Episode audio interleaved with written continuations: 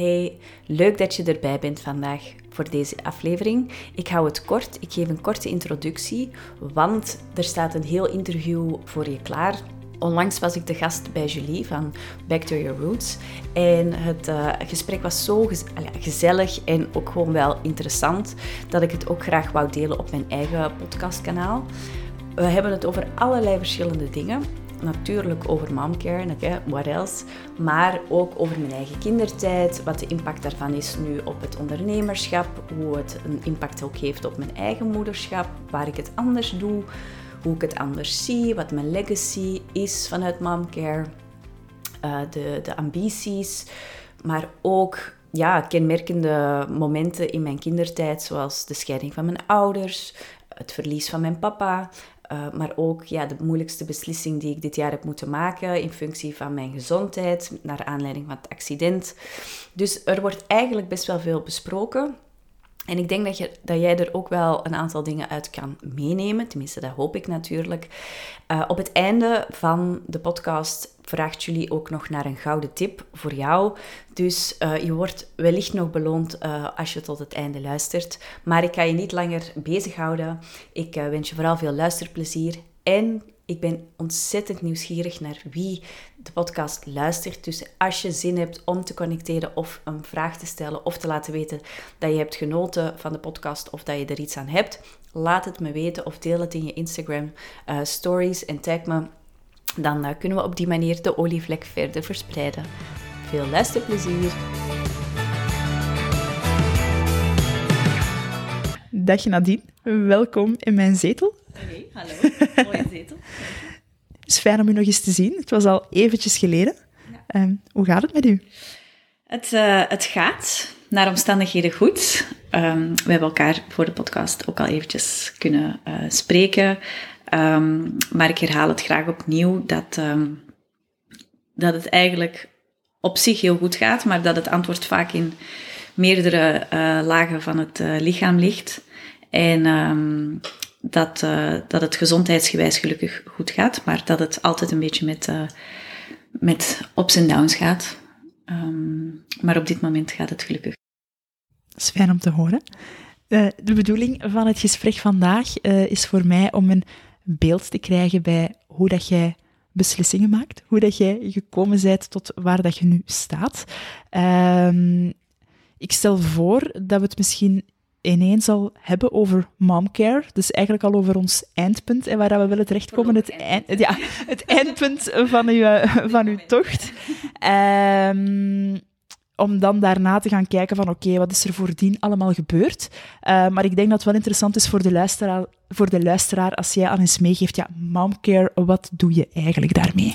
Ja, momcare is uh, ondertussen een, uh, een bedrijf dat ik twee jaar geleden heb opgestart vanuit een eigen um, weg in het moederschap die ik uh, bewandel sinds 2016. Uh, eh, eigen ervaringen en vooral gaten in het algemene zorgsysteem, waarvan ik het idee had van um, daar ontbreekt iets. En dat iets, dat, dat klinkt vaag en dat ga ik allemaal uitleggen natuurlijk. Maar het, het, het oorspronkelijke gevoel kwam eigenlijk van binnenuit zonder dat ik het echt kon benoemen van wat er nu allemaal uh, nodig was. Ik voelde alleen dat er, uh, dat er heel veel communities zijn, dat er heel veel um, specialisten zijn, maar dat er eigenlijk heel weinig plek is, was, voor de individuele noden van een vrouw, uh, moeder in wording,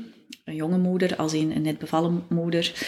Um, dus echt rondom de jonge, jonge moederschap. En um, ja, intuïtief voelde ik aan dat ik daar eigenlijk graag iets mee wou gaan doen. Um, en dan ben ik eigenlijk ook best wel snel tot het punt gekomen dat ik besefte dat het thema geboortetrauma onbestaande is of taboe, enorm nog taboe is, niet, niet bestaande is uh, in België. Um, dus dat het eigenlijk, voor mij werd wel duidelijk dat vrouwen die, um, ja, die voelen dat er in essentie iets, iets scheelt, maar niet helemaal kunnen pinpointen wat, of uh, eerst moeten wachten op een bepaalde diagnose om vervolgens effectief stappen te kunnen zetten in herstel. Ik voelde dat daar een soort van kost, uh, uh, kostbare tijd is voor, voor, die, voor die mama, voor het kind. Um, en dat daar veel sneller aan de bel getrokken mag worden. Dus ik wou daar een soort van brug bouwen in de kostbare tijd die vrouwen nu verliezen. Omdat heel vaak, wanneer het echt nodig is om, uh, om zorg te ontvangen of om ondersteuning te krijgen, ja, zetten vrouwen zich vaak op de laatste plaats. Uh, dan is het uh, ja, de, de, de, komst van het kindje, de verantwoordelijkheid, uh, alles draait daar rond. Of lijkt nodig te zijn om daar rond te draaien. En natuurlijk, dat is super belangrijk. Maar een vrouw zal zich dan ook altijd op de laatste plaats zetten. En die zal altijd denken van oké, ik doe het er later wel. Of ik ga, er, ik ga, ik ga later daarmee aan de slag. Of dat zal wel overgaan. Of ik parkeer het. Of het is zoals het is. Of wat dan ook. En ja, met Momcare wil ik daar eigenlijk heel erg op inzetten om uh, vrouwen daar ook in te inspireren en bewustwording rond te creëren. Dat, uh, dat het juist een heel belangrijke periode is tussen kinderwens en uh, ongeveer een jaar na de, na de geboorte. Ik, geef een kader, dat kan ook twee jaar na de geboorte zijn. Maar ook om een beetje het herstelperiode uit te trekken. Niet alleen die drie maanden uh, moederschapsrust, maar dat we dat ook veel langer kunnen doortrekken en beseffen dat het lichaam ook die tijd nodig heeft voor herstel. Dus dat is al bijna twee jaar tussen conceptie en een jaar na de geboorte.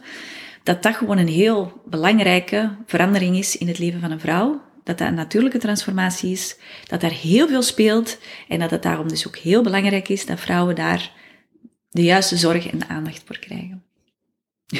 Ja, sorry. Dat is echt mega uitgebreid. En ik hoop dat het uh, een beetje duidelijk Maar het is dus gegroeid vanuit eigen gevoelsleven aangevuld met opleidingen. Want ik ben dan in Nederland eh, de opleiding tot geboortetrauma uh, therapeut en geboortetrauma coach. Dus enerzijds vanuit preventie, trauma-informed van oké, hoe kan ik werken naar uh, gezond moederschap, naar een positieve geboorteervaring vanuit eigen kracht, naar een kraamperiode waar ik volledig kan herstellen, ook wanneer alles of al die 90% van mijn tijd naar mijn kind zal gaan. Hoe kan ik daarin nog mijn eigen grenzen bewaken? Um, en anderzijds, als vrouw ook voelen van oké, okay, er speelt nog zoveel rondom de geboorte van mijn kind. Of ik, uh, ik uh, ervaar fysieke klachten, of uh, ik merk nog negatieve gevoelens op. Dat ik dus ook voor die vrouwen als hersteltherapeut met een hersteltherapie hun een veilige plek kan bieden. Oké. Ja. Je zegt een beetje lach, al lachend van, ik geef er ineens heel veel informatie, maar het roept bij mij ook ineens veel vragen op, dus ik hoop dat ik ze allemaal kan onthouden. Ehm, het eerste waarop dat ik graag zou willen inzoomen is het feit dat je zegt, ja, het is eigenlijk wel heel intuïtief gekomen, um, de beslissing om momcare op te zetten. Um, maar zijn er in jouw ervaring, want je hebt zelf ook twee kinderen, denk jij dat je zelf ook een, een trauma hebt gehad? Of? Ja, dat is een, eh, een hele mooie vraag, uh, die ik uiteraard ook vaker eh, krijg, omdat, we, omdat ik nu binnen dit veld werk. Maar eigenlijk, het is, het is een, een ja-nee-vraag. Want in eerste instantie, um, voor ik dit werk deed, zou ik nooit mijn eigen geboorteervaringen als zodanig traumatisch hebben uh, gekaderd. dat doe ik nog steeds niet, maar wat ik nu wel zie, weet, voel en waarin ik ook hoop um, het gesprek te kunnen uh, opengooien met andere vrouwen, is dat um, uh, geboortetrauma niet alleen maar uh, plaatsvindt bij vrouwen met de um, ja, bekende horrorbevalling of met bloed en zweet en tranen. en eigenlijk dat trauma ook in hele kleine details kan zitten. En dat trauma ook niet um, altijd slecht hoeft te zijn. Dat je ook uit trauma wijsheid kan halen en ook kan meenemen in je moederschap of in een volgende zwangerschap. Uh, maar dat er, dat er dus heel veel baat is om het wel te kunnen uh, bekijken vanuit dat trauma. En dat dat dus ja, jezelf ook heel veel informatie kan geven. Dus daarvoor openstaan, uh, dat heeft mij, al ja, dus mijn werk, mijn mamke heeft mij dat zelf ook wel gebracht om terug te komen op je vraag, wat voor mij een, um, een hele belangrijke reden was om eigenlijk die uh, plek voor geboortetrauma te kunnen zijn, was omdat ik heel intuïtief, voordat ik um, dus toen ik een kinderwens had, ben ik op zoek gegaan naar een gynaecoloog die um, verbonden was met het Sint-Vincentius in Antwerpen, omdat ik wist dat uh, die plek een uh, mama-kind label had. Dus vanuit, uh, ik ben daar ook bevallen omwille van die reden. dat is heel fijn om te horen. Dat is echt hartverwarmend. Um, dus die, ja, die, die werken dag in, dag uit heel hard om dat certificaat, dat label te hebben. En voor mij, en op dat moment is dat dus intuïtief gegaan. Nu zie ik dat achteraf, hè, dat ik daar dus al mee bezig was. Maar op dat moment ja, was dat eigenlijk gewoon van oké, okay, dat, dat, lijkt me dan een goede keuze.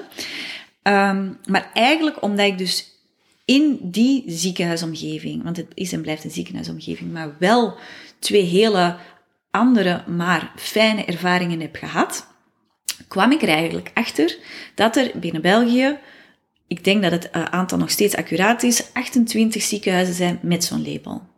En alle andere ziekenhuizen zijn eigenlijk gewoon de medische plekken waar dat we naartoe gaan als we ziek zijn.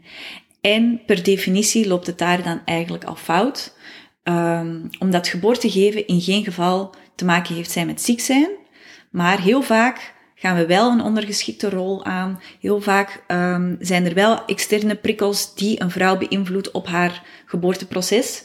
Dus het was meer vanuit, ik heb deze warme omgeving en er zijn gelukkig nog andere vrouwen dus die voor die warme omgeving. En er zijn ook andere ziekenhuizen die dag in dag uit heel hard werken om dat label um, te kunnen ontvangen, om dat te hebben. Maar er zijn eigenlijk heel veel plekken in België, in Vlaanderen, waar dat um, geboorte gewoon heel medisch wordt bekeken. En dan dacht ik van ja, dan vind ik het heel belangrijk dat er rondom het thema geboortetrauma wel wordt gesproken, hoe, hoe, hoe beladen dat dat ook is, hoe moeilijk om geboorte en trauma naast elkaar te zetten, want dat zijn eigenlijk twee uiterste um, concepten of, of, of, of begrippen. Maar het is gewoon realiteit. En um, met Momcare wil ik echt die realiteit benoemen, zodat vrouwen die voelen van oké, daar speelt iets. Zonder dat zij misschien denken van oké, dit is echt een trauma, maar meer er speelt iets, mag echt al genoeg zijn om te kijken van oké, welke details zijn er dan dat voor jou toch zijn blijven hangen of welke indrukken zijn er voor jou toch in je lijf achtergebleven. Want dat is vaak het, ja, het, het, het grote, de grote uitdaging. Je lijf onthoudt alles van die periode. Um, maar ja, je hoofd probeert daar woorden aan te geven, maar die matchen niet altijd. En het is echt vanuit het lijf, dat gevoelsleven, dat wij terug op zoek gaan van hoe was die ervaring eigenlijk? En welke details hebben er voor jou echt ah ja, ingehakt of welke doen ertoe en welke zijn gewoon belangrijk om alsnog uh, ruimte te geven in, uh, in een herstelproces. En zijn er voorbeelden van zo'n details die dat je kunt meegeven om misschien ook iets of wat herkenning te bieden aan luisteraars? Zeker. Um, zo kan je bijvoorbeeld, um, en, en het is eigenlijk ook super mooi hoe dat ik leer van de mama's die ik uh, heb in mijn praktijk. Elke ervaring, en dat is ook zoiets, elke ervaring is anders. Dus daar de uitspraak alleen al bijvoorbeeld, amai, dat was een, een, eh, een bevalling uh, gelijk het boekje, ja, of, of zoals de boekjes. Um, ja, daar, daar gaan mijn haar al van overeind staan. En dat is goed bedoeld, maar dat impliceert ook weer dat anderen het niet volgens een boekje doen of niet volgens de regels. En het hele geboorteproces kan niet volgens protocollen, kan niet volgens een centimeter per uur, um, een interventie. Um, al ja, het, elke ervaring is anders en het heeft heel erg te maken met wat het um, levensverhaal eigenlijk al is geweest van de vrouw tot nu. Uh, dus ook haar eigen geboorteervaring met haar mama speelt daarin een rol. Um, haar eigen, bijvoorbeeld hoe um, de manier waarop haar eerste menstruatie al dan niet is gevierd, uh, hoe dat zij naar haar lichaam kijkt, uh, of zij goed voor haar lichaam kan zorgen of niet. Dus het hele uh, puberteitverhaal, het hele jongvolwassen verhaal, heeft ook al invloed op de manier hoe dat jij je geboorteproces um, ja, ingaat en beleeft. En bijvoorbeeld om van die details te geven, uh, sommige vrouwen merken bepaalde blikken tussen zorgverleners op en weten dat het over haar gaat, maar dat er niet met haar wordt gecommuniceerd. Um, en ja, dat komt binnen. Die blik kan binnenkomen. En de ene zal denken van ja, uh, dat was nodig in die situatie. En de andere zegt van ja, ik voelde mij echt ongezien. Ik was precies een projectiel op die tafel. Um, andere vrouwen geven zelf aan um, um, ook bijvoorbeeld vanuit mijn eigen ervaring, want je, vroeg, je vroeg net ook, hè, van heb je zelf een geboorteervaring of een geboortetrauma? Wat ik nu merk in mijn eigen geboorteverhaal uh, met mijn tweede zoontje, is dat um, de, het, het, trauma of, of het, de gevoeligheid ligt op de snelheid van de geboorte. Dus daar waar dat er ook heel vaak wordt gedacht, hè, van het was een extreem lang verhaal, of een, uh, dat duurde heel lang de weeën, of um, het was een heel lang geboorteproces, werd ik eigenlijk um, overvallen door zijn snelheid dat hij besliste te komen. Waardoor ik ook niet helemaal in elke fase van dat geboorteproces heb gezeten. Waardoor dat het voor mij best wel um, achteraf gezien was ik heel blij dat het snel ging. Maar voor mijn gevoelsleven en het gevoel van oké, we hebben dit samen kunnen doen, dit geboorteproces, heb ik wel gemerkt van oké, dit is eigenlijk gewoon veel te snel gegaan. Ik heb amper de tijd gehad om, om elke fase te kunnen, om te kunnen landen in elke fase. Um, vrouwen ook bijvoorbeeld um, details. Een verpleegster, uh, je wordt geholpen tijdens het opvangen van je weeën. Er wordt een verpleegster weggeroepen, die zegt ik ben direct terug. Maar die vrouw die voelt zich alleen. Die, die zit daar in dat moment, op dat moment is dat een vertrouwenspersoon. En ook, hè, het is druk op een ziekenhuisafdeling, er is ook stress, werkdruk. Ik bedoel, dat zijn ook factoren dat voor um, zorgverleners het moeilijk maken om voor elke vrouw daar heel betrokken bij te zijn. Maar ik kijk heel erg vanuit het perspectief van de vrouw, van de mama. Ik ben haar ambassadeur en um, vanuit haar ervaring mogen we gewoon echt wel kritisch kijken van oké, wat gaat er goed en wat gaat er niet goed. En um, uh, ja, het, het, het, zit hem, uh, het zit hem in de details. Uh, bijvoorbeeld een klok aan de muur. Dat een vrouw elke seconde kan zien wegtikken. Of van, van het moment dat ze gaat persen en, en voelt van oké, ik moet hier... Um, ik, ik, moet hier gaan, het moet hier vooruit gaan, want ik zie hier die klok. Maar ze is zo met die klok bezig dat ze vergeet naar haar in, interne proces te luisteren. Dat zijn de gevaren. Dat je zo met de buitenwereld bezig bent, dat je, dat je, dat je uit verbinding raakt met jezelf. Ja, wat ik bijvoorbeeld had gevraagd, uh, dus tijdens uh, het opvangen van de weeën en dergelijke, is om mij niet mee te geven hoeveel centimeter ontsluiting dat ik had. Ik wou echt niet weten, want ik ben iemand die vrij resultaatsgericht is en die cijfers die, die haken zich dan ergens vast in mijn hoofd. Um, en dan hebben ze het toen opgelost door op een papiertje te schrijven wat mijn ontsluiting was en het aan John te geven. Ja, ja. heel goed. Ja. Maar daar heb jij heel mooi jezelf in bewaakt, want jij wist wat het effect zou zijn om, als ze dat zouden zeggen of als ze dat zouden uh, jou dat laten weten, dat je daar, daar, dat, dat naar je hoofd zou kruipen. Ja, dat ik daar een betekenis aan zou hechten, terwijl uiteindelijk, ja, wat betekent dat? Je kunt ook plots van drie centimeter naar tien centimeter gaan bewijzen van... Uh, ja, absoluut. En sommigen vinden dat wel heel fijn om te weten. Um, en, en hetzelfde met alles. Het is, het is vooral heel belangrijk dat een, een vrouw, ongeacht wat ze kiest, dat ze weet dat ze zich gerespecteerd voelt, dat ze zich gewaardeerd voelt, gezien voelt. Um, en dat is even goed dat een vrouw een, een prachtige, bekrachtigende geboorteervaring kan hebben, ook met een epidurale. Um, als zij dan zegt op een bepaald moment van, ik voel nu dat dit hetgeen is wat ik nodig heb om mijn kind verder gezond op de wereld te brengen, dan is dat haar uh, wens, haar keuze. En dan is het aan de andere om haar daarin te begeleiden. Uh, maar er zijn dan ook weer um, andere factoren die bijvoorbeeld kunnen zeggen: Allee, hè, zou dat, nu, wel doen? Of uh, een, een, bijvoorbeeld ook een anesthesist die dan pas over een uur of twee uur of drie uur daarna pas kan komen. En op, voor op zo'n moment voor zo'n vrouw ja, komt dat wel binnen. En dat zijn details. En je kunt niet overal. Um, het, ja, je, het kan niet altijd um, zomaar gaan zoals we het willen. Dus er kunnen van die details op, op, op, um, opkomen. Maar dan is het vooral belangrijk dat een vrouw zich alsnog gehoord kan voelen binnen die details en weten van oké, okay, dat heeft mij, dat vond ik niet fijn.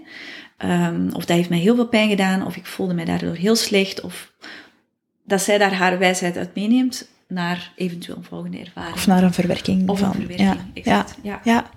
er is bij mij zoiets heel... Allee, klinkt ook weer stom als ik het nu ga vertellen, maar dat ik ook wel denk, als er nog een kindje zou komen, ga ik dat anders aanpakken. Ja. Um, dus op zich, uh, van het opvangen van de weeën tot het persen en de effectieve geboorte, was dat een bevalling volgens het boekje? Nee, maar is op zich vlot verlopen. Maar wat dat mij pijn heeft gedaan, of wat aan mij is bijgebleven, is na die bevalling dat ik moest onmiddellijk in bad. Ik was bijna flauw gevallen. Ik lag daarna op een bed. Ik lag helemaal niet goed. Ik had niet het gevoel van, kan ik dat hier nu zeggen tegen iemand? Daar was ook niemand. Um, en dat klinkt nu heel stom, hè, van een geboortetrauma, omdat jij niet goed op een bed lag. Um, maar dat is wel iets waarvan dat ik denk, ik zeg niet dat ik een trauma heb, maar dat is gewoon iets waarvan dat ik weet, dat zou ik in de toekomst anders willen. Ja, en ik denk dat dat gelijk ook de mooiste uh, boodschap is om te zeggen. Dus inderdaad, trauma is gelijk een heel heftig woord. We kunnen het ook zien als een disconnectie. Als um, dat je er met bepaalde negatieve of nare gevoelens op terugkijkt. Nou ja, dat heb je wel, want je voelt initieel nog van ja, dat was echt niet fijn op dat moment. En het is heel goed dat je dat meepakt. Um, dus ja, uh, trauma ligt in meer, meerdere lagen. Ja. Sowieso. Ja.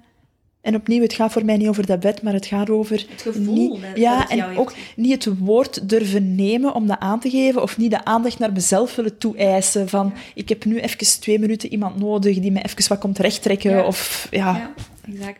Ja, en dat is dan iets dat we dan vanuit preventie, um, waar ik dan heel erg met mama's uh, op werk om effectief zo die kracht en, die stem um, van wanneer kan je die meer inzetten. Want eigenlijk in de zwangerschap is, is vaak een hele mooie termijn of een oefening om ja, je zeggingskracht en je keuzes. Um, want je gaat soms ook heel spannende gesprekken aan met gynaecologen of, of met andere professionals. Uh, er komen een hoop uitdagingen op je pad die je eigenlijk kan omzetten in opportuniteiten om echt richting dat geboorteproces sterk in je schoenen te kunnen staan.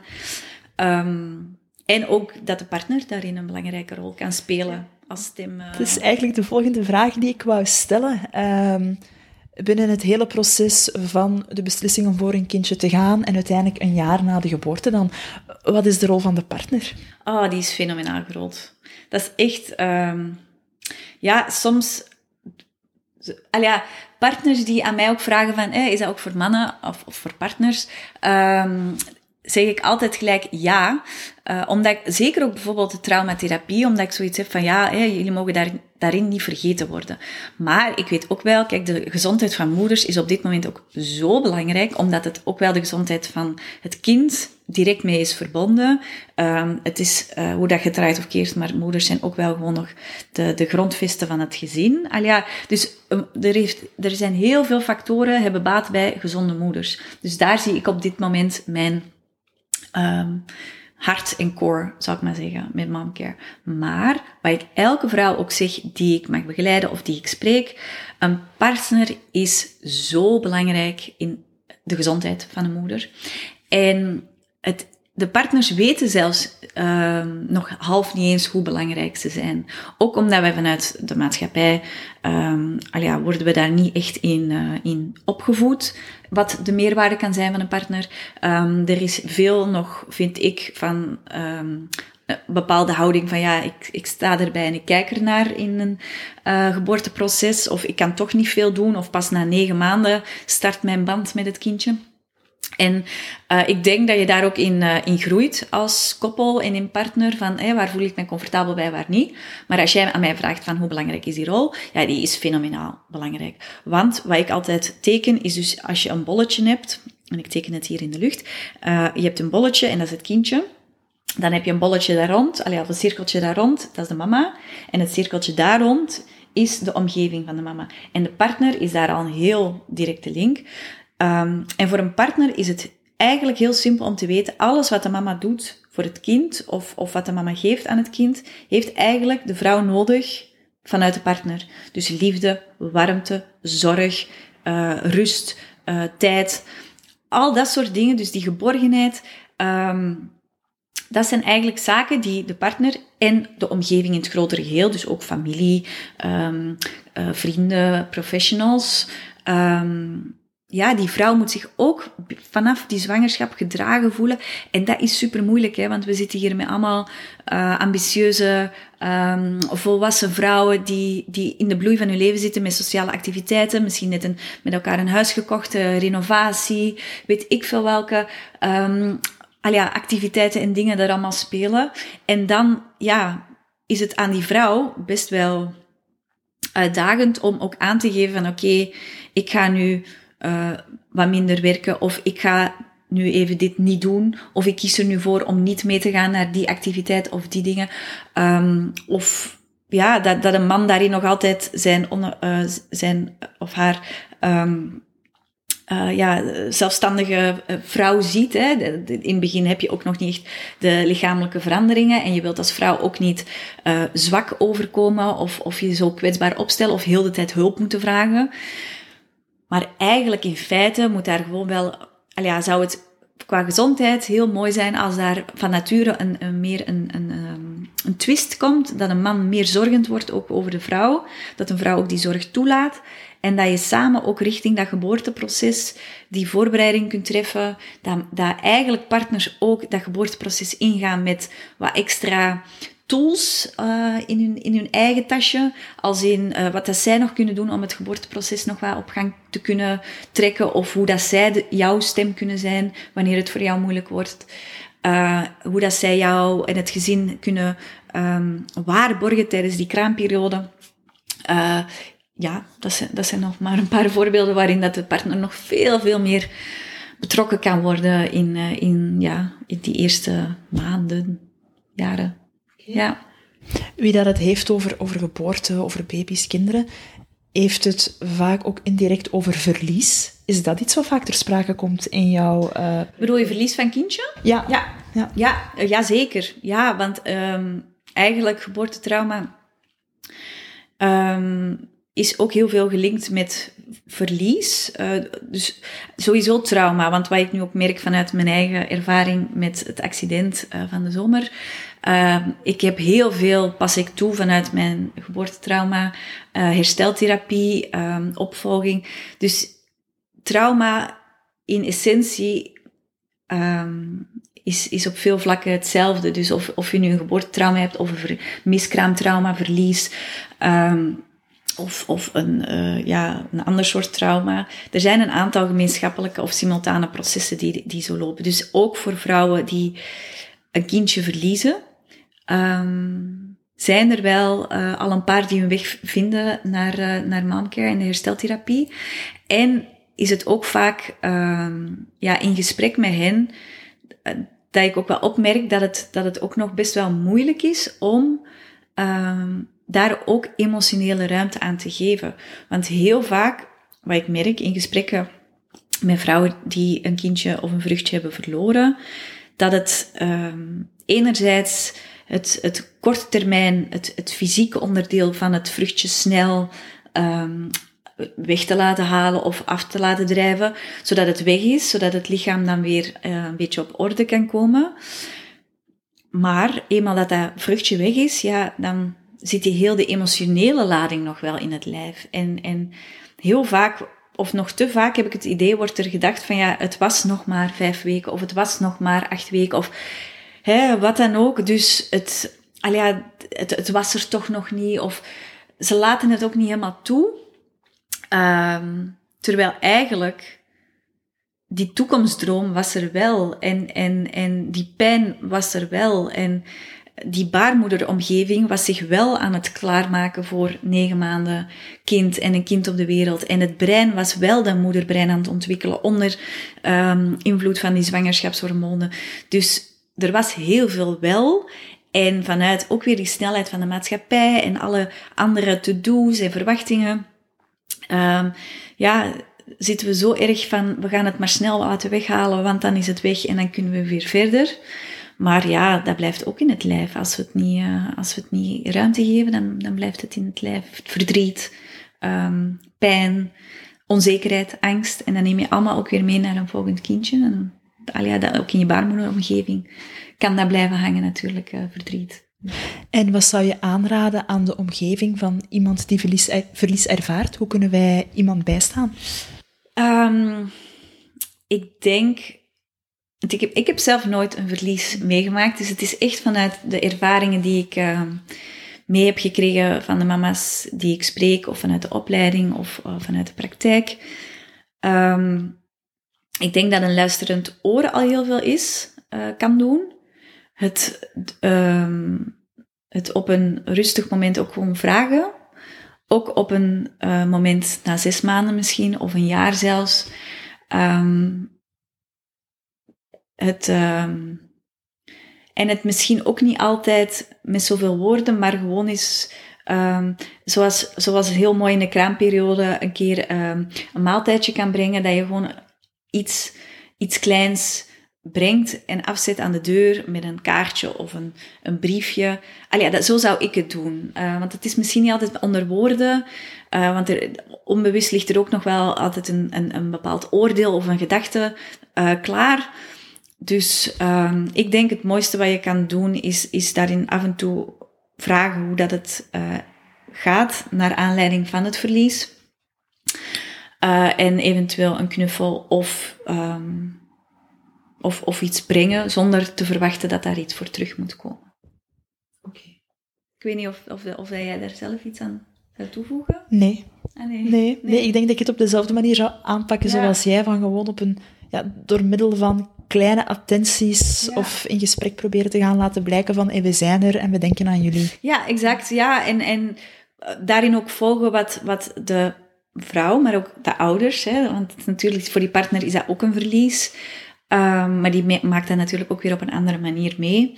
Um, dat, het, um, dat we daarin uh, hun tempo volgen en als zij ook voelen van oké, het, het was er, maar we hebben daar wel op een bewuste manier mee kunnen, kunnen het, het hoofdstuk kunnen afsluiten en we kijken nu weer toekomstgericht, dan is dat ook mooi en dan kun je ook mee terug in, in dat toekomstgericht uh, ook meegaan. Dus we hoeven ook niet altijd in die pijn te blijven, maar dat we eigenlijk goed luisteren naar hoe dat het um, gevoelsleven daar bij de, bij de ouders daarover gaat, hè, hoe, dat, hoe dat zij zich erover voelen.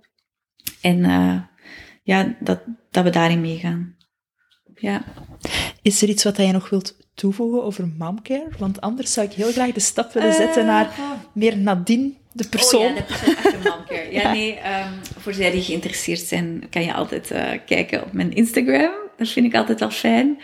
Uh, atmomcare.be. Um, en voor de rest, uh, wees welkom om uh, de olievlek van momcare en geboortetrauma um, mee te verspreiden. Dan ben ik je eeuwig dankbaar. Ja. Oké. Okay. We hebben het al ja, gehad over geboorte, geboorteervaring, de prille kindertijd. Ja. Hoe was jouw kindertijd? Ja, dat is uh, een mooie vraag. Ik, uh, ik heb daarover nagedacht. Ik um, ben blij dat je dat ook had gestuurd. Want dat zijn ook wel gewoon even dingen waar je eventjes bij stil moet staan. Um, want ja, kindertijd, dat wordt natuurlijk ook een beetje beïnvloed door foto's die je dan ziet en denkt van, ah ja, dat weet ik nog, maar in hoeverre weet je echt nog dingen? Natuurlijk zijn er dingen die ik weet. En algemeen kan ik wel zeggen dat ik een hele fijne kindertijd heb gehad. Ja. Zijn er bepaalde herinneringen die eruit springen? Ja, ik was natuurlijk uh, de jongste uh, en een meisje. Dus ik heb twee oudere broers. Uh, en hoe mama het ook altijd zegt, en dat vind ik, ja, dat vind ik heerlijk om te horen natuurlijk, maar, want ze wisten niet dat ze een meisje kregen. Dus ik was echt een cadeautje.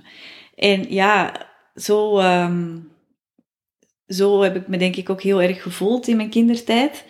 Um, waarschijnlijk onder uh, enige boosheid en jaloezie misschien ook van de jongens. Um, de, de, de, um, de, ik zal maar zeggen, de uitspraak uh, prinses op de ert is ook wel vaak voorbijgekomen. Dat weet ik ook. Uh, dat is ondertussen ook allemaal bijgeschaafd. Zo'n prinses ben ik niet meer, denk ik dan. Maar om maar aan te geven, ja, het, het, was een heel, ja, een heel fijn gezin. Um, op mijn uh, twaalfde zijn mijn ouders wel gescheiden, of zijn onze ouders gescheiden. Uh, dus ja, dat, dat geeft ook weer een andere dynamiek, uh, andere levenslessen. Um, dat is zeker een, een, een, belangrijk moment in, in mijn kindertijd ook geweest. Want ik neem aan, mijn kindertijd, dan bedoel je eigenlijk tot ik alleen ben gaan, allee, dat ik ben gaan studeren. Ja, tot aan 18 ja, of zoiets. Ja, ja. ja, ik was 19 toen ik alleen ging wonen. Dus um, tot dan ik kijk daar wel heel erg uh, met heel veel plezier op terug. En, en uh, dat heeft ook wel te maken met, uh, met de hockey. Dat is ook een heel belangrijk onderdeel geweest van mijn jeugdjaren, tienerjaren. Um, Wat heeft dat betekend voor u, die hockey? Ja, eigenlijk heel veel.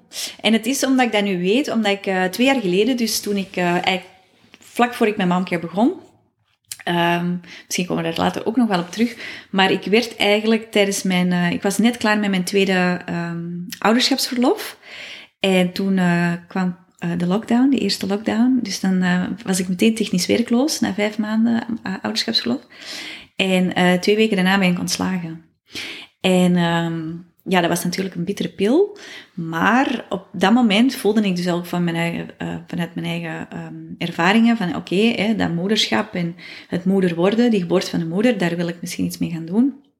En toen heb ik wel dus voor mezelf uh, beslist van oké, als ik nu kies voor het ondernemerschap en momcare, wil ik mezelf um, eerst even um, goed in laten coachen en van wie ben ik en, en, en werknemers of uh, werkgevers. Hè, hoe, hoe, welke kant wil ik hier uit?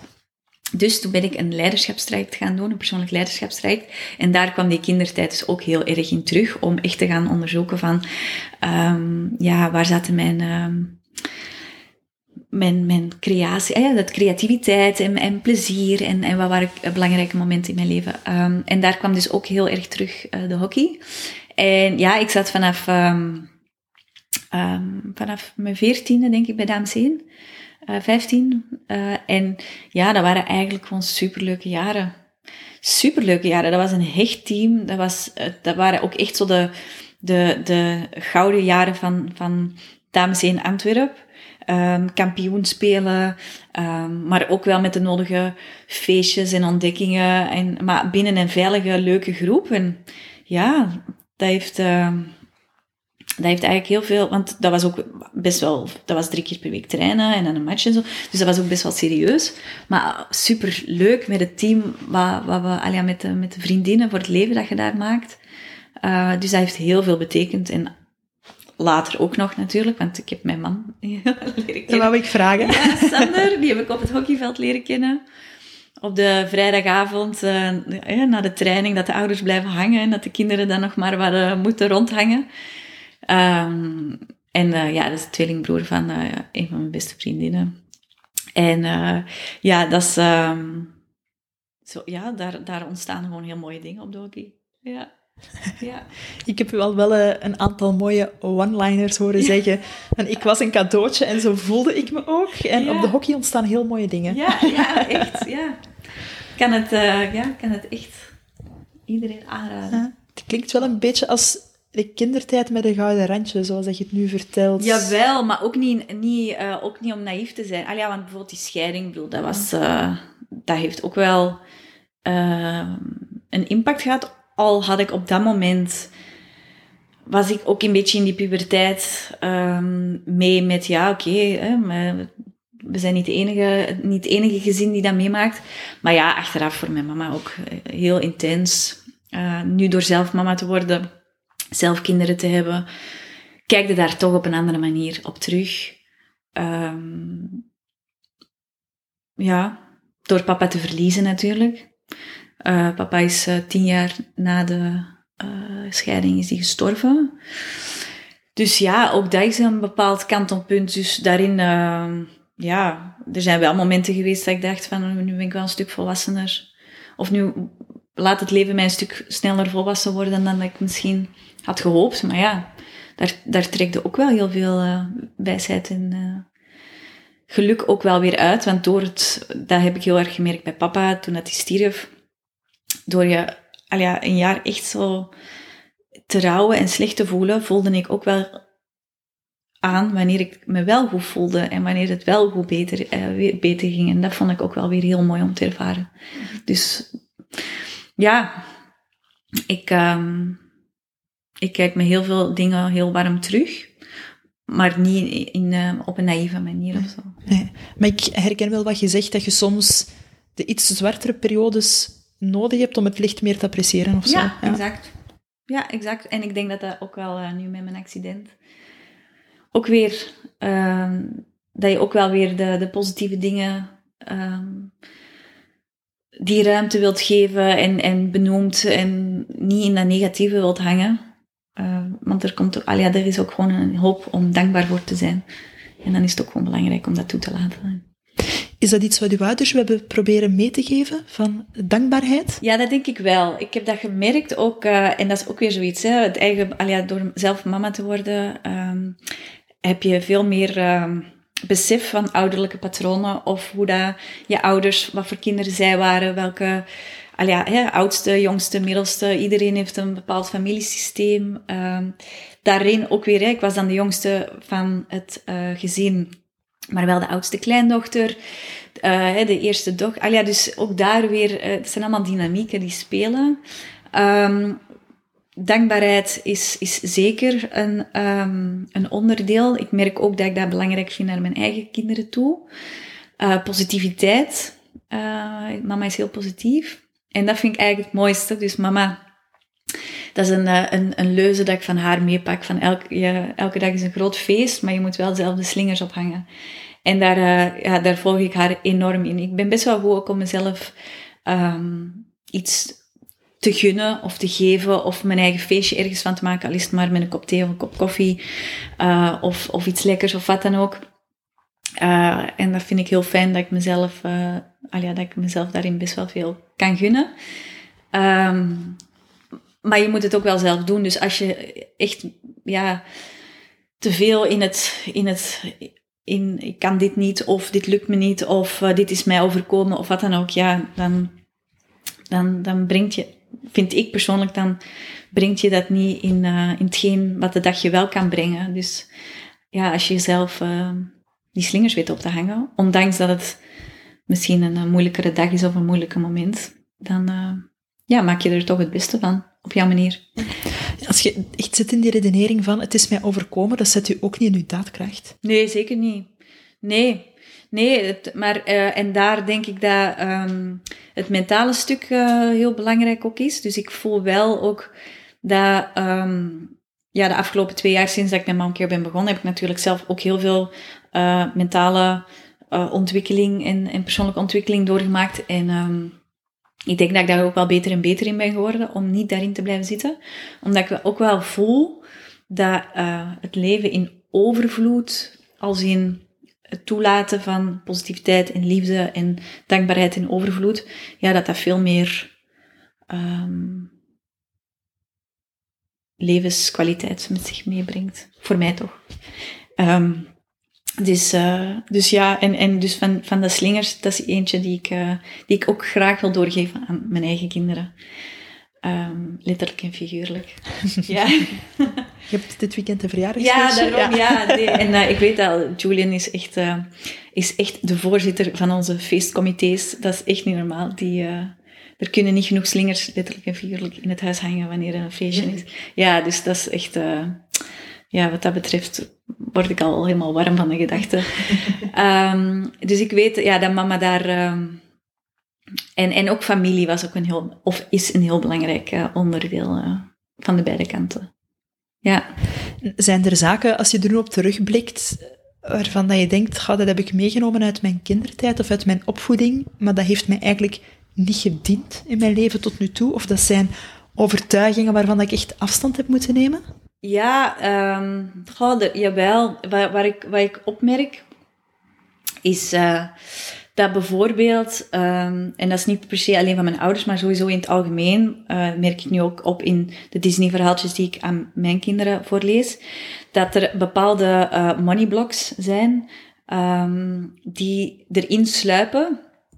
En waarvan ik nu ook wel merk in het ondernemerschap en, en ja, gewoon mijn eigen groei, van hoe dat die soms wel terug kunnen komen. Dus bijvoorbeeld um, om Dagobert, die dan staat te puffen uh, om geld aan de neefjes te geven. Die hebben net keihard uh, voor hun centjes gewerkt. En jij krijgt de boodschap dus dat het geven van dat geld, um, dat het dan te veel gevraagd is en dat, dat, ze, het niet, ja, dat, dat, dat ze dat precies niet verdienen. En dat is misschien nu mega raar of banaal dat ik dat zo nu zeg. Maar uiteindelijk, door allemaal dat soort verhalen ingeprint te krijgen, um, weet ik wel ondertussen um, ja, dat het. Ik voel nu ook wel dat bepaalde. Um, dat, dat geld niet zwart-wit is, dat dat energie is, dat dat mag stromen. Dat, dat hetgeen dat ik bijvoorbeeld van een cliënt krijg, dat dat ook weer kan doorstromen naar iemand anders.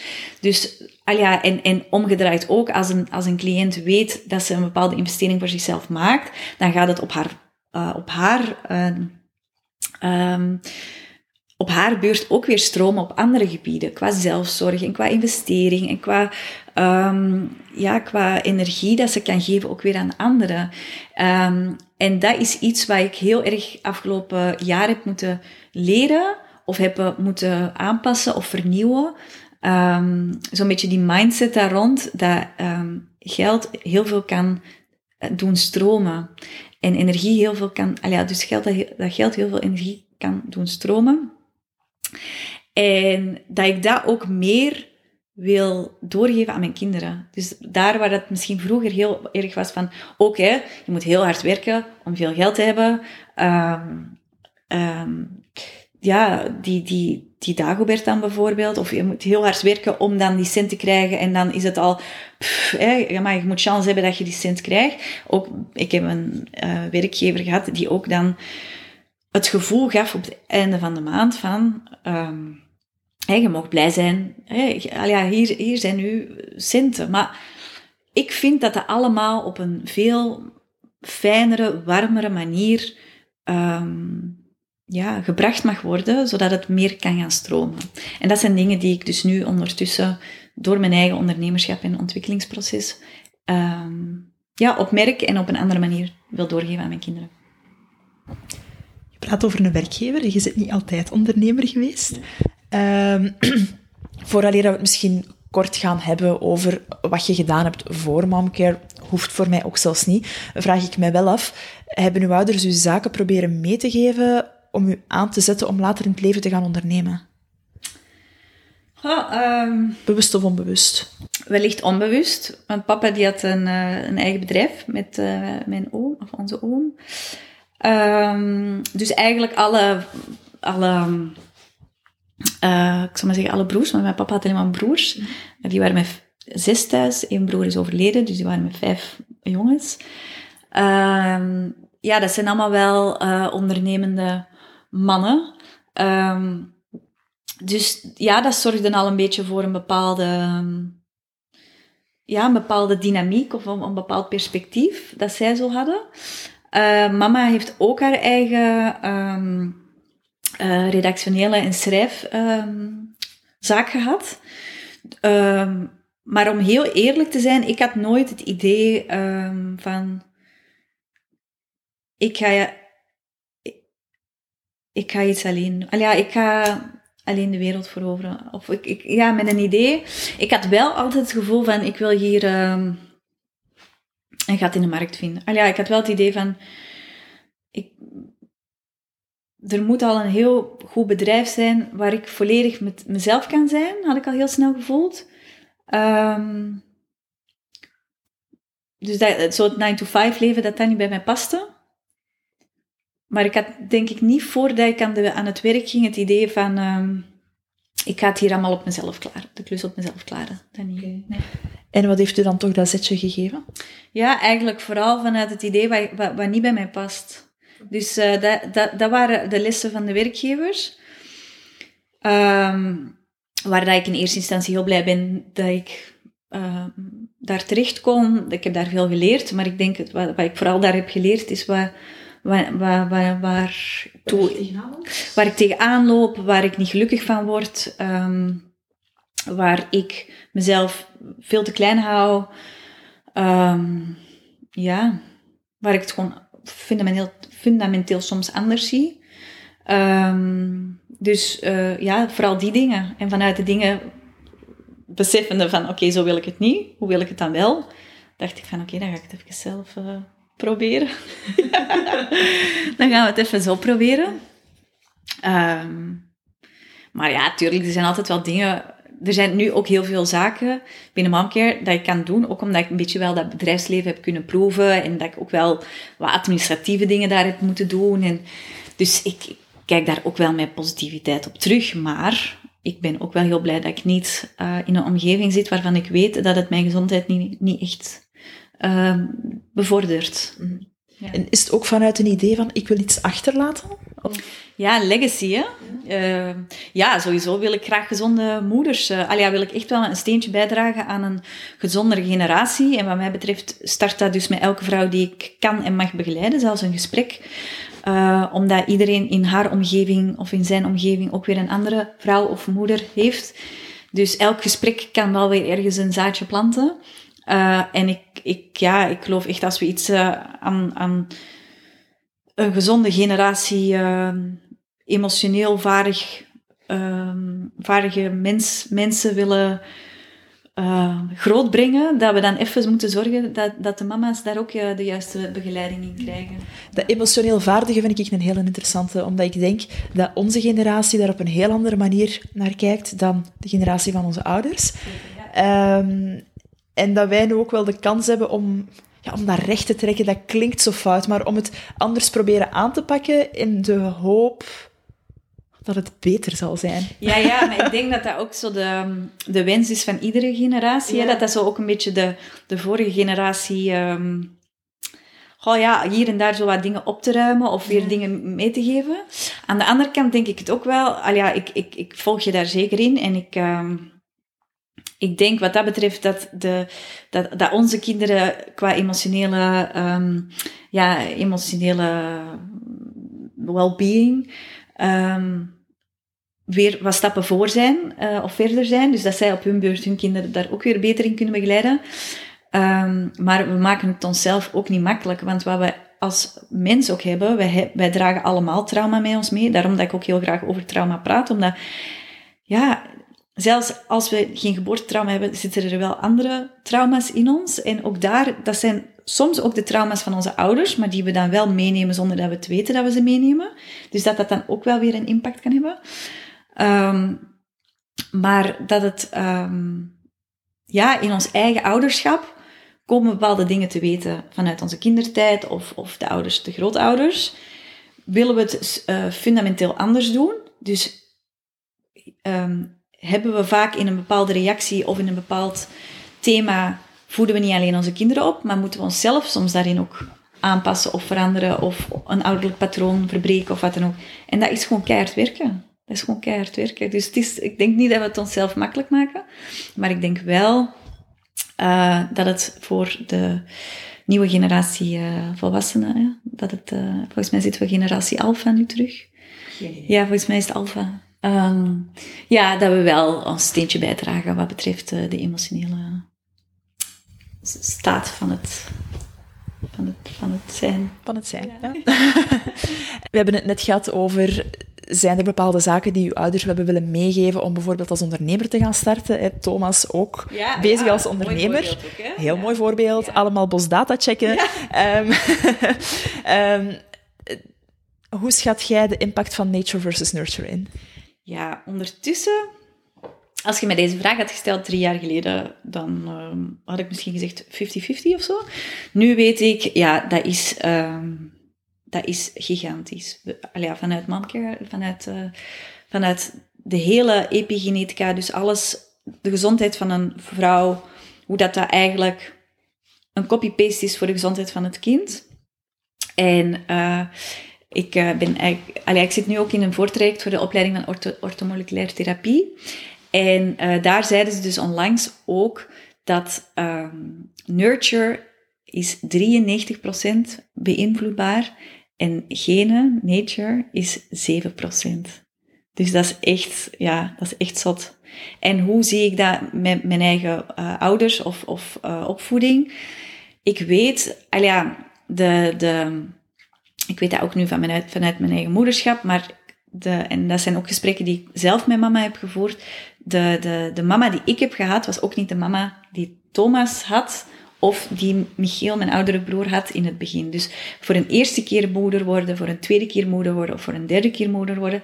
Je zit in een andere fase van je leven. Je hebt andere kennis. Je, je kan wellicht je grenzen beter bewaken of minder goed bewaken. Um, je bent uh, in een, nieuwe, nieuw huis. Uh, je zit misschien in een fijnere community. Uh, je, het, huwelijk gaat misschien slechter. Allee, er zijn altijd zaken, omgevingsfactoren nurture, die van invloed zijn op hoe dat jij, uh, ja, je gezondheid is en hoe dat jij dus ook uh, ja, moedert, zal ik maar zeggen. En um, ja, wat dat betreft weet ik dus nu ook um, dat ja, de omstandigheden voor mij anders waren dan de omstandigheden voor mijn broers. Ook hun omstandigheden waren weer anders. Ehm, ook al, al heel, heel kenmerkend bijvoorbeeld, mama, uh, wij zijn alle drie in een ander land geboren. Dus voor uh, mama was dat ook al een heel ander soort ervaring. Um, Thomas bijvoorbeeld in Amerika, uh, voor papa zijn werk, ja, dan was er ook al een, een oudere broertje, dus dan was er ook al een ander soort dynamiek. En dan ben ik hier in België geboren, um, maar ook wel weer met twee oudere jongens daarbij. Dus op die manier weet ik dat nurture en, en de groei die mama daarin heeft gehad als moeder en hoe dat ze misschien prioriteiten stelt, dat dat wel heel veel invloed heeft gehad um, op hoe dat wij alle drie ja, ook zijn opgegroeid. En, en die eerste dagen, maanden, weken hebben ervaren als, als, pasgeboren, als pasgeborene. Ja. Wat maakt Nadine Nadine? Ja, dat, dat, dat moet je eigenlijk aan iemand anders vragen, vind ik. Ik vind dat echt moeilijk. Um, ik denk wel dat ik steeds dichter bij mezelf kom of zo. Um, ik denk dat ik eigenlijk best ook wel een, een, een zacht mens ben. Terwijl dat ik altijd best, tijdens de jaren dat ik heb gewerkt, uh, dus in een, een, um, een bedrijfsomgeving, weet ik wel bijvoorbeeld dat collega's ook zeiden van, dat ik altijd een muur voor mij had. Of dat ik heel weinig toeliet van mijn persoonlijke, uh, persoonlijke leven. Um, maar ja, maar dat ik ook wel um, heel. Um, ik ben ook wel best wel kritisch op, op mijn, mijn grens. Als ik, ik, ben kostbaar op mezelf of zo. Dus ik kan. Ik, ja, ik, ik probeer daar ook wel echt voor mezelf na te gaan van uh, de dingen die ik doe of de mensen die ik zie. Of ja, laat ik daarvan op? Of en zeker nu in mijn eigen herstelproces ben ik daar heel kritisch ook in. Um, ja, en, en gewoon met wat ik nu doe, omdat ik het gewoon echt, want soms vraag ik me af, zit ik niet te veel op een eiland? En ja, hè, alleen, alleen dit doen is soms een beetje het eilandgevoel. Aan de andere kant voel ik ergens zo diep van binnen hoe dat ik het wil doen, dat ik het ook niet met iemand anders kan doen of zo. Dus um, en, en dat dit kunnen doen, geeft mij gewoon wel echt... Ja, wat maakt mij mij? Nu weet ik het denk ik. Ik probeer heel erg um, binnen de rollen die ik heb in dit leven... Um, als, als we een cirkeltje hebben, uh, probeer ik daar dus drie taartpuntjes van te maken. Waarbij ik dus enerzijds momcare heb, werkambities, noem het algemeen werkambities. En op dit moment is dat heel erg mamkia gericht. Um, dan heb ik mijn moederschap, dus de moeder die ik wil zijn voor mijn kinderen. En um, nog een blokje me. En natuurlijk het gezinsleven, maar ook mijn... Uh, ja, Sander valt natuurlijk ook onder het moederschap, gezinsleven of me. Maar bij me staat ook persoonlijke ontwikkeling. En ik heb het gevoel dat als ik voor die drie taartpunten, als ik daar een mooi evenwicht kan vinden, dat ik heel dicht bij mezelf, mezelf kan zijn. En uh, dat ik gewoon... Uh, ja, een, een, gelukkig mens ben. Dat ik gewoon de dag, dagelijkse dingen ja, doorkom en, en, en op een goede manier en in evenwicht. Ja. Dat je dan blij kunt zijn met hoe dat je leven eruit ziet. Ja. En dat je dan ook nog eens zelf die slingers kunt ophangen. Ja, en, ja. exact. Oké. Ik neem ook heel hard mee dat je zegt, uh, ik voel hoe dat ik het wil. Ja. Is dat ook een leidraad in uw beslissingen? Ja, behoorlijk. Ja, absoluut. Ja, het is... Um ja, voelen is heel, uh, heel belangrijk. Steeds belangrijker. Ik weet niet of je uh, bekend bent in de wereld ook van human design. Ja. Ja. Dus uh, begin dit jaar heb ik daar ook, had ik mezelf voor mijn verjaardag cadeau gegeven. Een traject coaching, traject bij voor coaching of voor human design. En ja, daar neem ik ook wel dingen uit mee. En um, ik weet bijvoorbeeld, als ik ben een projector en um, een 1-3, dus ik onderzoek heel graag, maar ook wel met trial and error, dus aftasten. Um, en um, een triple split. En dat is dus iets dat heel veel tijd nodig heeft. Dus ik ben me er zelf ook wel uh, van bewust dat ik, me, dat ik steeds meer mezelf ook tijd gun en geef. En dat dan ook wel het de keuze, de beslissing, wat dan ook zal komen. En dat ik daar dan ook ehm, eh, heel erg achter kan staan.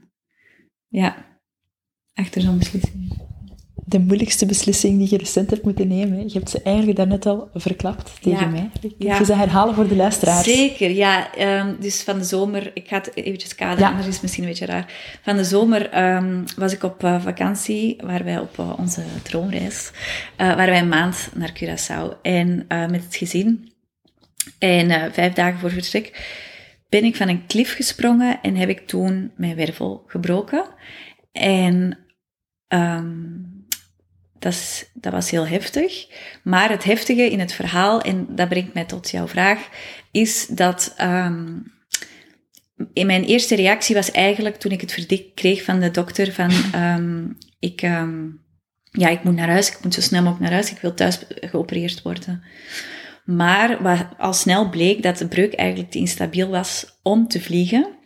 En de dokter zei, kijk, je mag van mij vliegen, maar ik geef je geen groen licht. Dus als je wilt vliegen, is het volledig je eigen risico.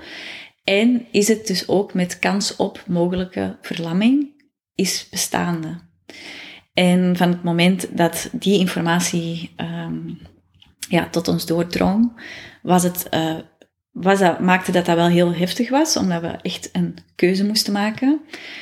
Um, en dan uiteindelijk ben ik in dat ziekenhuis, uh, waren er een aantal opties. Dus er waren neurochirurgen, uh, er was een orthopeed, maar er was gelukkig ook een wervelspecialist.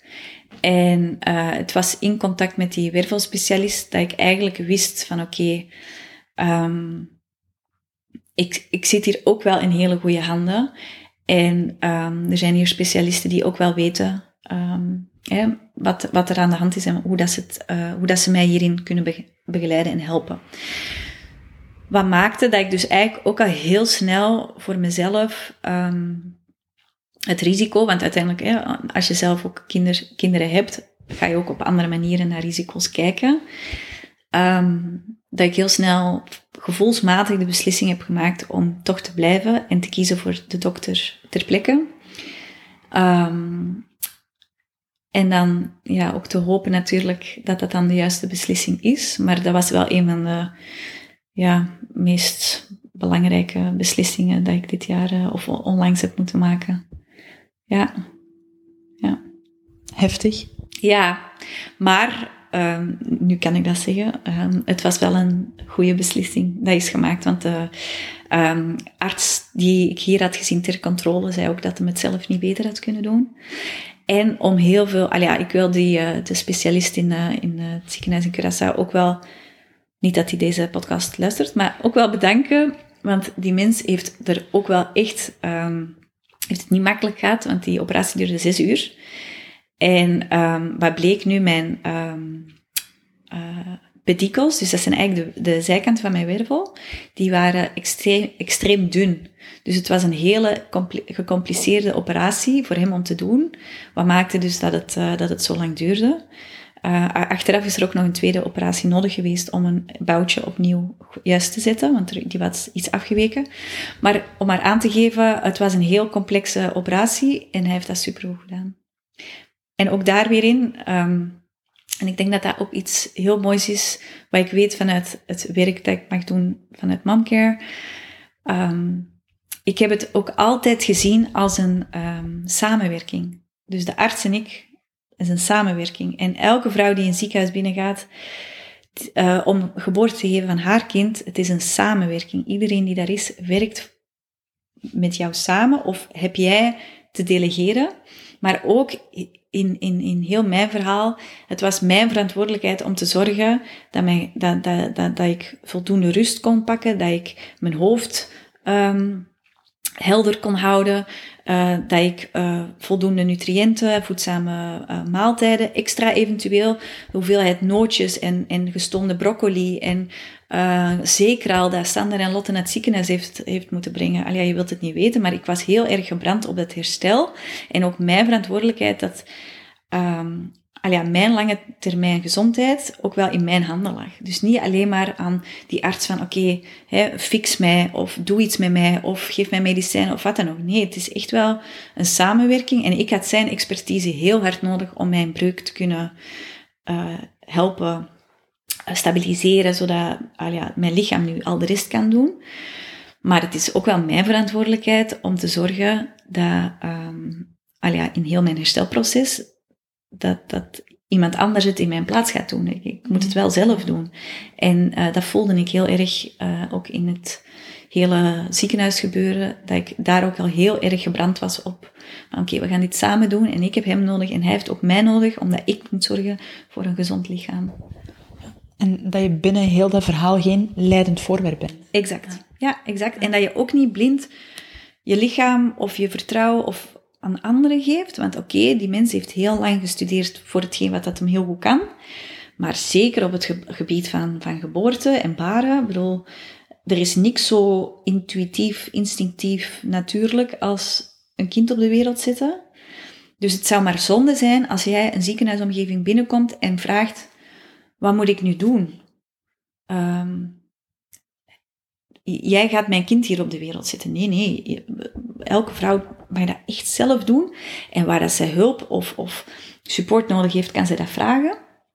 Maar ja, geef niet, geef je niet over aan iemand anders. Het is echt je eigen, blijf ja, je eigen kracht daarin bewaken ook. En verantwoordelijkheid ook, hè. Ja, verantwoordelijkheid is ook superbelangrijk. Oké, ik zou stilaan willen gaan afronden, Nadine. Uh, ik heb wel nog een paar vragen voor u. Uh, ik vraag um, meestal naar een gouden tip op het einde van de podcast. Ik zou eigenlijk twee soorten gouden tips aan u willen vragen. Uh, enerzijds, kunt jij advies geven aan alle jonge moeders ehm, die druk zijn met werk, sociaal leven, sport, alles wat er nog bij komt, om daar allemaal gemanaged te krijgen of om daar een andere visie op te ontwikkelen. In plaats van, ik moet alle ballen in de lucht houden, misschien liggen alle ballen op de grond, dan heb ik er soms één op. Ja, uh, ja. ja ik, um, ik denk dat het, uh, dat het daarin mooi is om... Um, om te zeggen... Ik had iets, maar is even ontglipt. In ieder geval dat de lat echt niet zo hoog hoeft te liggen. Maar het feit dat dat zo hoog ligt, is vaak een combinatie van enerzijds eigen verwachtingen en verwachtingen van buitenaf. En ik geloof ook dat um, het zo zwaar is, het, het, de combinatie van het moederschap en alle rollen, omdat er gewoon vanuit die periode in het begin van dat transformatieproces ook te weinig is stilgestaan bij wat die verandering met zich mee gaat brengen. Dus dat vrouwen eigenlijk ook nog te veel in een, um, ja, in een soort van, van, van, het, van het ene, um, van de ene gebeurtenis in de andere gebeurtenis, dus van een zwangerschap naar een geboorteervaring, kramen en dan terug aan het werk en dan gaat alles maar precies um, lukken. Uh, maar dat het, die, die verwachtingen, dat verwachtingsmanagement, dat dat eigenlijk ook iets is dat we al heel vroeg vanuit die zwangerschap mee mogen inkaderen. Uh, ook wat betreft gezondheid, dat die grenzen daarin wat meer gekaderd en bewaakt, die behoeften, vernieuwde behoeften, um, dat die duidelijker worden, zodat die vrouw dat ook mee kan nemen in die fases dat ze, dat ze uh, doormaakt. Aan de andere kant is het zo dat ik ook wel ooit heb, heb gelezen dat het tussen de 18 maanden en de 6 jaar duurt voor alleen het gezinsleven een beetje op zijn plooi komt. Dus dat het ook echt tijd, tijd, tijd mag um, innemen om het gevoel te hebben van oké, nu voel ik mij op mijn gemak als mama. Of nu vind ik het leuk als in mijn rol als mama. Of wat dan ook. Neemt niet weg dat het in die periode daartussen uh, heel zwaar is. En ik denk ook dan dat je zeker op tijd aan de bel moet trekken. Um, maar ik ben ook wel een voorstander van het kritisch durven kijken naar welke ballen zijn echt wel in de lucht te houden of zijn aan jou om in de lucht te houden en welke eventueel aan je partner of welke kan je uitbesteden. Um, want soms zijn we er zo van overtuigd dat alle ballen die we voor het moederschap in de lucht hielden, dat die nog nodig zijn na het moederschap. Maar het is soms misschien ook even heel fijn om daar zelf een beetje in te kunnen ondervinden. van uh, ja, welk, wat, wat, zijn nu mijn prioriteitsballen, zal ik maar zeggen. En met welke ga ik nu spelen en met welke. En ook, um, ik geloof dat um, de, de work-life balance, die balans is er niet. Uh, dat, of toch zeker geen eindpunt. Dat is niet iets dat je bereikt. Maar dat is gewoon iets dat je elke, elke dag opnieuw voor jezelf moet opzoeken. En moet gaan ondervinden. En, en wat ik net ook zei met mijn taartpuntje. Ik heb gewoon drie um, kaders die voor mij heel belangrijk zijn. En als ik weet dat ik daar tussen kan shiften, ja, dan voel ik mij al, dan voelt dat voor mij een goede balans. En dan kan dat de ene dag heel veel momcare zijn en de andere dag heel veel kind, met de kinderen. Maar dan weet ik van, oké, okay, omdat, omdat dat voor mij gewoon drie heel belangrijke facetten zijn. En, en ik denk dat dat gewoon een, een mooie is. Um, en als, als vrouwen daar echt um, last mee hebben, dan kunnen ze mij altijd in de DM een berichtje sturen. Altijd welkom.